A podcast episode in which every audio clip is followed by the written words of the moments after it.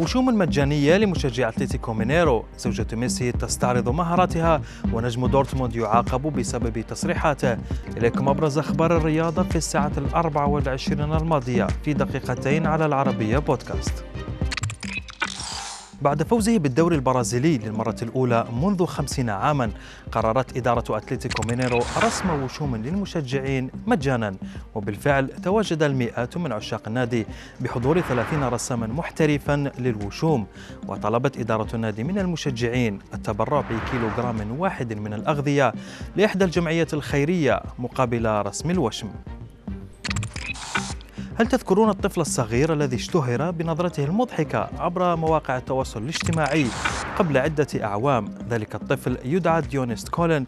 أصبح الآن بطلا في ولاية نيوجيرسي الأمريكية بعد فوز فريقه ببطولة المدارس الثانوية لكرة القدم الأمريكية في الولاية. واستغل كولين الضجة التي أحدثها عندما كان صغيرا في توجيه الأنظار نحوه بعد تتويج فريقه بالبطولة. يبدو أن أنتونيلا زوجة ميسي لا تبالي بالإشاعات حول هدم فندق زوجها في مدينة برشلونة بعدما نشرت أنتونيلا صورا لها على إنستغرام وهي تمارس اليوغا وعلقت قائلة بأنها تفتقد حصص اليوغا عندما كانت في إسبانيا ونشرت زوجة ميسي هذه الصور بعد إعلانها البدء في تعلم رياضة الملاكمة.